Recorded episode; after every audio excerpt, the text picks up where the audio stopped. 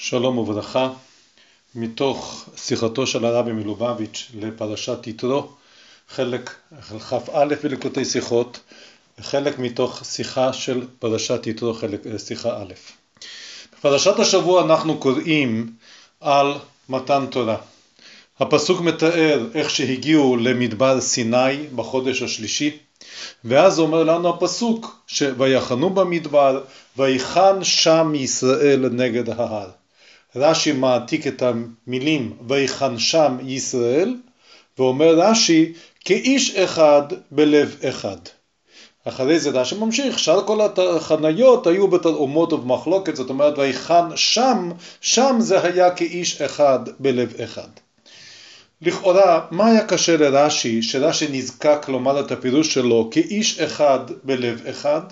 על פניו היה קשה לרש"י את הלשון יחיד בפסוק. ויחן שם ישראל ויחן לשון יחיד. ויחן שם ישראל נגד ההר, אז היה קשה לרש"י מה זה לשון יחיד, ולכן אומר רש"י כאיש אחד בלב אחד. אבל שואל הרבי, הביור הזה הוא לא, הוא לא, הוא לא לכאורה לא מובן, מדוע? מכיוון שהמילה ישראל היא מילה של כלל, של קולקטיב, אז כן מתאים את הלשון יחיד. אז אם כן, לומר ויחן שם ישראל זה דווקא די מתאים. עם ישראל בשם יחיד ישראל ויחן שם ישראל. והדבר מתמיהה יותר שהרי רש"י מעתיק את המילה ישראל בתוך הדיבור המתחיל ויחן שם ישראל אז זה אומר רש"י כאיש אחד בלב אחד ואם כן הדבר תמוה הרי, הרי אתה בעצמך מעתיק בדיבור המתחיל את המילה ישראל מתוך הפסוק שהמילה הזו מתרצת מדוע ויחן לשון יחיד אז מה רש"י היה צריך להוסיף כאיש אחד בלב אחד אם אנחנו ממשיכים לעיין בפירוש הזה אנחנו מוצאים פירוש מאוד דומה לזה בפרשת בשלח שקראנו שבוע שעבר.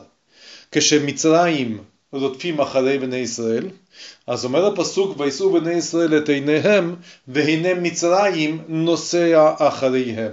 גם כאן לשון יחיד נוסע.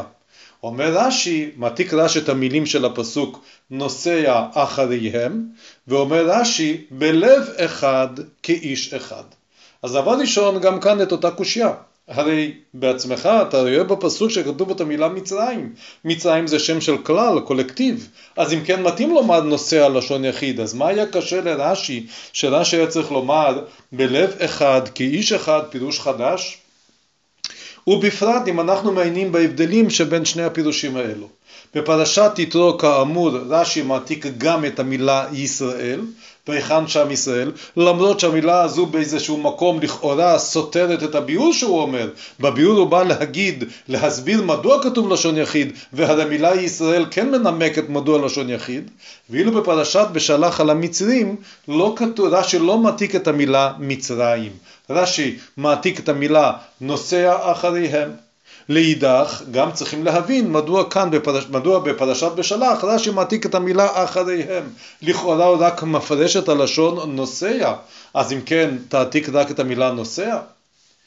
אם ככה אז אנחנו צריכים להבין מה היה קשה לרש"י בשני הביאורים, בפירושים האלו, ומדוע רש"י מעתיק בדיבור המתחיל מה שהעתיק בפרשת יתרו ויחן שם ישראל, גם את המילה ישראל, ובפרשת בשלח לא מעתיק את המילה מצרים, אבל כן מעתיק את המילה אחריהם. ולסיום, קושייה נוספת שבולטת מאוד לעין, בפרשת יתרו כאיש אחד בלב אחד, כלפי עם ישראל, בפרשת בשלח בלב אחד כאיש אחד בסדר ההפוך, מדוע? הבה נקדים שעצם הרעיון של לכתוב לגבי כלל לשון יחיד או לשון רבים, מצאנו כמה וכמה פעמים בתורה, ושם רש"י לא מסביר כלום. שתי דוגמאות משתי הפרשיות האלו. בפרשת, בפרשת בשלח, וירא ישראל את היד הגדולה אשר עשה השם במצרים, וירא לשון יחיד. ויראו העם את השם, מלשון יראה פחד, לשון רבים. ויאמינו בהשם ובמשה עבדו, שוב לשון רבים. באותו פסוק בעצמו, כשמדובר על עם ישראל, פעם לשון יחיד ופעם לשון רבים. וירא ישראל, ואחרי זה ויראו ויאמינו. ועל דרך זה גם בפרשת יתרו. וירא העם וינועו, ויעמדו מרחוק. עם ישראל וירא בלשון יחיד וירא העם, ואחרי זה וינועו ויעמדו מרחוק, וינועו ויעמדו לשון רבים. ושם רש"י לא מסביר כלום. וכל זה דורש לנו הסברה, מה הפירוש בכל הדברים האלו. אומר לנו הרבי כלל מאוד מיוחד, כלל מדהים. אומר לנו הרבי כך, כשאנחנו מתייחסים לכלל, כלל ישראל, כלל מצרים, לפעמים אנחנו מוצאים כמו דוגמאות שראינו לשון יחיד ולפעמים לשון רבים. מתי כך ומתי כך, אומר לנו הרב בכלל מיוחד מאוד. כשמדובר על פעולה, פעולה של הכלל, לפעמים זה לשון רבים, כשהפעולה היא נפעלת בצורות שונות אחד מהשני, אז נכתוב את זה בלשון רבים, אבל יכול להיכתב גם כן בלשון יחיד כשכולם עושים את אותה פעולה, אין הבדל בין אחד לשני, כל הכלל, כל הקולקטיב עושה את אותה פעולה, אז יהיה אפשרי לכתוב את זה בלשון יחיד גם. אבל כשמדובר על הרגש, רגש שבלב, על הרגש שבלב כל אחד מרגיש בצורה אחרת. רגש שבלב תמיד צריך להיכתב בלשון רבים. כלל חדש אומר לנו הרב, רגש תמיד בלשון רבים. בשתי הדוגמאות שהזכרנו מקודם, אז עכשיו זה יוסבר שתי הדוגמאות האלו. וירא ישראל את, את היד הגדולה, וירא ראייה, לראות. כולם רואים את אותו דבר. כשכולם רואים את אותו הדבר, אז ראייה אפשר להיכתב בלשון יחיד, וירא, כולם ראו את אותו הדבר. כשאנחנו ממשיכים בפסוק, והפסוק כותב מה הם הרגישו, ויראו העם את השם, הם פחדו מהשם, ויאמינו בהשם ובמשה עבדו. יראה ואמונה, שזה כבר שייך לחלקים הנפשיים יותר של האדם, הרגש, זה כבר לשון רבים, כל אחד ירא בצורה אחרת, כל אחד מאמין בצורה אחרת, אז אם כן הרגש תמיד בלשון רבים.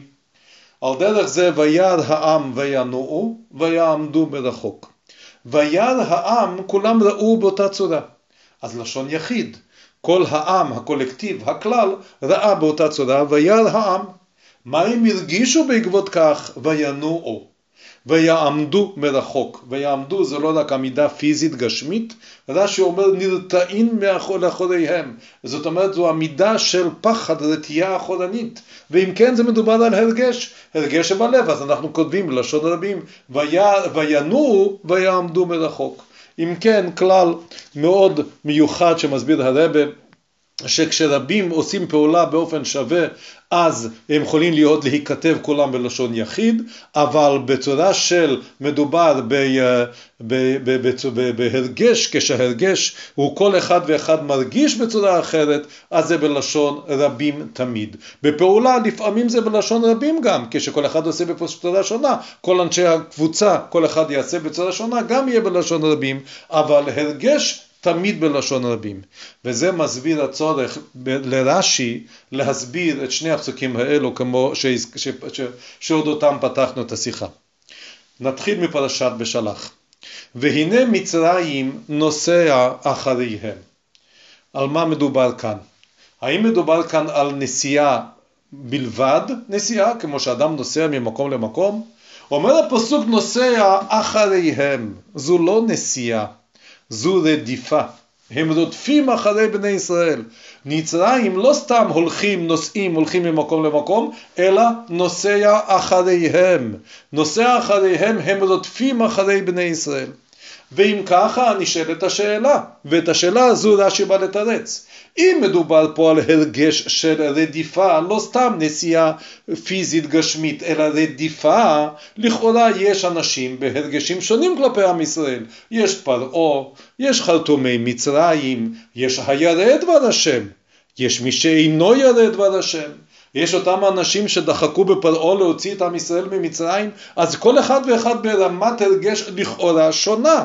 ואם כך היה קשה לרש"י. היות שמדובר כאן על הרגש שבלב, והרגש שבלב כל אחד מרגיש בצורה שונה, אז מה זה הלשון יחיד מצרים נוסע לשון יחיד? היות שזה נוסע אחריהם, והנה רש"י מעתיק בדיבור המתחיל גם את המילה אחריהם, זה לא סתם נסיעה של הליכה גשמית, זה נוסע אחריהם, זו רדיפה, אז למה לשון יחיד? בא רש"י ומסביר, בלב אחד כאיש אחד. נכון, על פניו כל אחד יש לו רמה אחרת של רדיפה.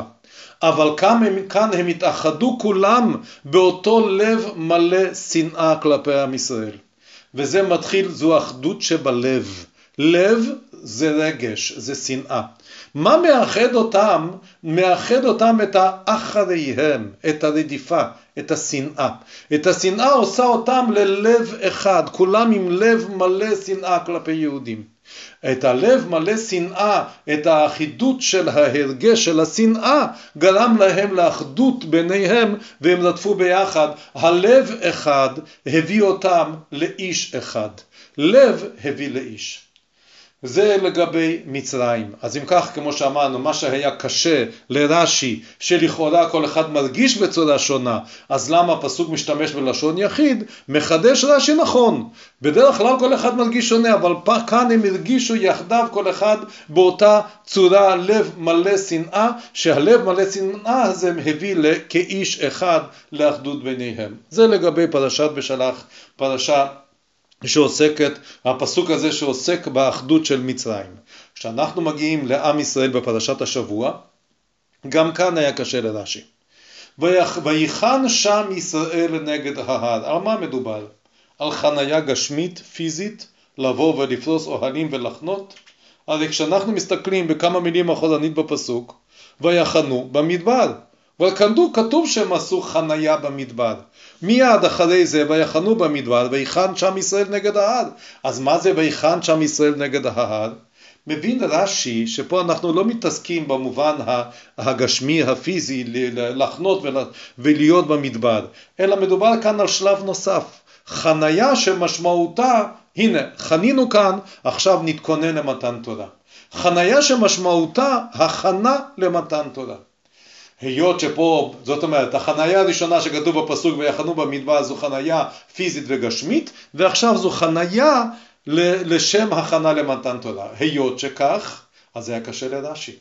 הכנה למתן תורה זה הרגש שבלב, וכל אחד מתכונן בצורה אחרת. משה רבינו איך שהוא מתכונן, אהרון הכהן איך שהוא מתכונן, הסנהדרין, ויש גם אנשים בפרשת השבוע שהם טענו, פרשת שבוע שהם טענו בשבוע שעבר, שקראנו בפרשת בשלח, מבלתי יכולת השם. יש גם אנשים כאלו שאומרים מבלתי יכולת השם. אז אם כן, וכי כולם התכוננו באותה צורה? ודאי שלא. אז אם זה מדובר על הרגש שבלב, הכנה למתן תורה, איך משתמשים בלשון יחיד ויחן שם ישראל, וזה היה קשה לרש"י. בא רש"י ומתרץ, מעתיק את המילים ויחן שם ישראל. נכון, יש הבדלים בהכנה של, כל, של כלל ישראל למתן תורה. יש הבדל בין משה רבינו לאדם הכי פשוט שבעם. אבל כאן במתן תורה הם התאחדו כולם מצד היותם ישראל. אני ישראל, אתה ישראל, כולנו ישראל, אז האחדות הזו, האחדות של עם ישראל זה כאיש אחד. והאחדות הזו של כאיש אחד הביאה לשלב ב' בלב אחד. כולם עם רצון מלא להתכונן למתן תורה. ההכנה למתן תורה היא שונה בין אחד לשני. משה רבנו לא מתכונן באותה צורה שמתכונן הפשוט שבעם. ההכנה היא שונה.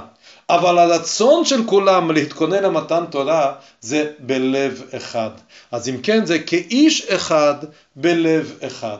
האחדות בין האנשים, האחדות בין כלל ישראל הביאה אותם להיות גם בלב אחד, באחדות עם רצון אחד להתכונן למתן תורה. ואם כן כל השאלות ששאלנו תורצו. לא היה קשה לרש"י עצם הלשון היחיד ויחן או בפרשת ושלח לשון נוסע. כמו שאמרנו, יש הרבה פעמים ש, שמופיע הכלל בלשון יחיד. אלא היה קשה לרש"י שכאן מדובר על הכנה רוחנית.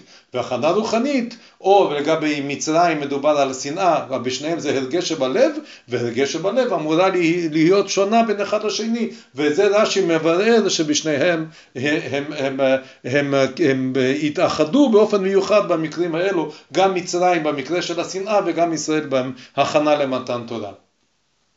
ולכן עכשיו אנחנו מבינים מה רש"י מעתיק.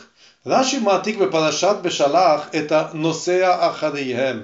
האחריהם, הנושא אחריהם מראה על השנאה, שזה המקור של הפירוש של רש"י בעצם. מאיפה רש"י יודע שהם היו בלב אחד, נוסע אחריהם, הרדיפה ביחד שכולם רדפו ביחד אחרי עם ישראל והרדיפה הזו הביאה גם כן אחרי זה לכאיש אחד. לגבי ישראל ויחן שם ישראל, האחדות שלהם למרות שזה הכנות שונות בין אחד לשני למתן תורה אבל האחדות נבעה מתוך זה שהם ישראל. לכן רש"י מעתיק פה את המילה ישראל שהיא המקור של הביאור שלו שהם כאיש אחד, מה שגרם להם להיות כאיש אחד זה ישראל. בהמשך הרבי מסביר גם כן את העניין של אחדות שיש בעולם. בעצם העולם מצד עצמו אין בו אחדות. העולם מצד עצמו הוא רשות הרבים, הוא פירוד. מה שגורם אחדות זו תורה. מה שגורם אחדות זה ישראל. זה דברים שמעל הטבע, מעל העולם. כשהתגלה כאן, בהכנה למתן תורה, את היחידה שבנפש של כלל ישראל, אז יכלה להיות פה אחדות אמיתית בין כולם, כאיש אחד, בלב אחד, לקבל את התורה. עד כאן השיעור הזה של פרשת, השיחה לפרשת יתרו.